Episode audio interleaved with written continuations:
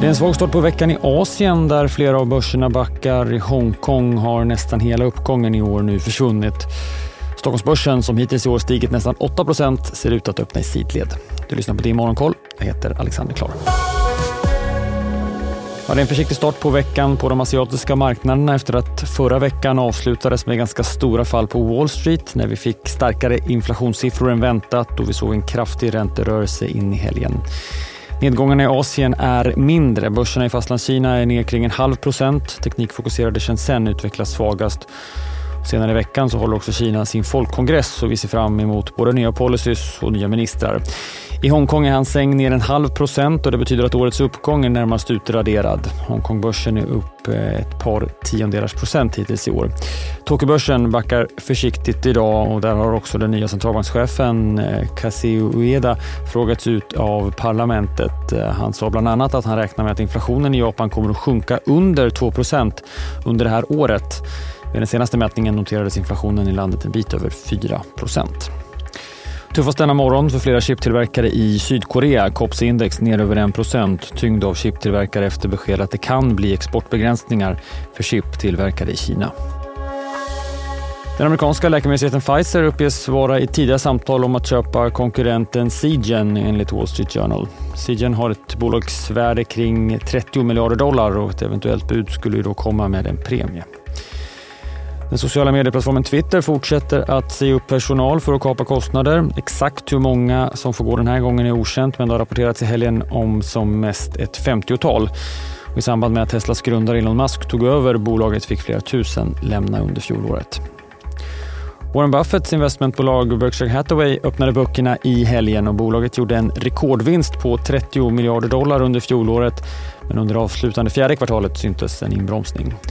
I sitt brev till aktieägarna slog Buffett ett slag för bolag som gör aktieåterköp och dessutom sa han att Berkshire har en stor position i kontanter och räntepapper med kort löptid för att kunna agera i marknaden i närtid.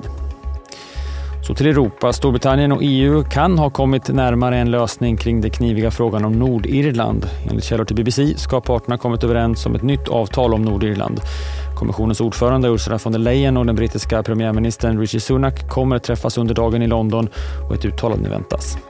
Hur den nya överenskommelsen ser ut är i nuläget oklart, men hittills har man löst tullproblemen kring Nordirland genom att man inte har en tullgräns mellan Irland och Nordirland, men istället kontroller i nordirländska hamnar och vid transporter från Storbritannien. Tittar vi på veckans agenda så är det ganska tunt. De inledande dagarna från svenskt håll spännande idag när vi får en uppdatering om hur den svenska konsumenten mår klockan åtta. Vi såg ett ganska kraftigt fall på närmare 5% vid den senaste mätningen. Veckan kommer handla mycket om inköpschefsindex som kommer från flera håll, framförallt på onsdag när vi går in i en ny månad. Dessutom lär marknaden återigen lyssna in när en handfull ledamöter i den amerikanska centralbanken Fed schemalagda att tala under veckan. Vi följer de talen och rapporterar såklart kring dem i DTV. Dessutom så täcker vi som alltid börsöppningen i programmet Börsmorgon med start kvart i nio senare idag. Eller som podd klockan 11 varje förmiddag. Och du missar väl förresten inte heller att det kommit ett nytt avsnitt av Analyspodden där DIs analytiker blickar tillbaka på veckan som gått. I det senaste avsnittet med Ulf Pettersson och Torbjörn Isaksson avhandlas bland annat fastighetsbolaget SBBs bokslut och dessutom pratar man om förändringarna vi ser i industribolaget Trelleborg. Du hittar avsnittet på sajten eller i din poddspelare. Jag heter Alexander Klar.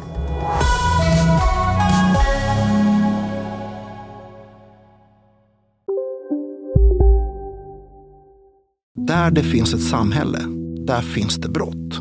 Krimrummet är podden som tar brottsligheten på allvar. Jag bjuder in landets ledande experter och tar upp aktuella rättegångsfall för att begripliggöra den kriminalitet som kryper allt närmare. Du, alltså, du kan knäcka ett eller några gäng, men det kommer komma nya och så kan vi knäcka dem sen. Men att du ska knäcka allt forever, det kommer aldrig ske. Det är infinite gain. Lyssna på Krimrummet, en podd från Expressen med mig Kim Malmgren. Vi är specialister på det vi gör, precis som du. Därför försäkrar vi på Swedea bara småföretag, som ditt. För oss är små företag alltid större än stora och vår företagsförsäkring anpassar sig helt efter firmans förutsättningar. Gå in på swedea.se företag och jämför själv.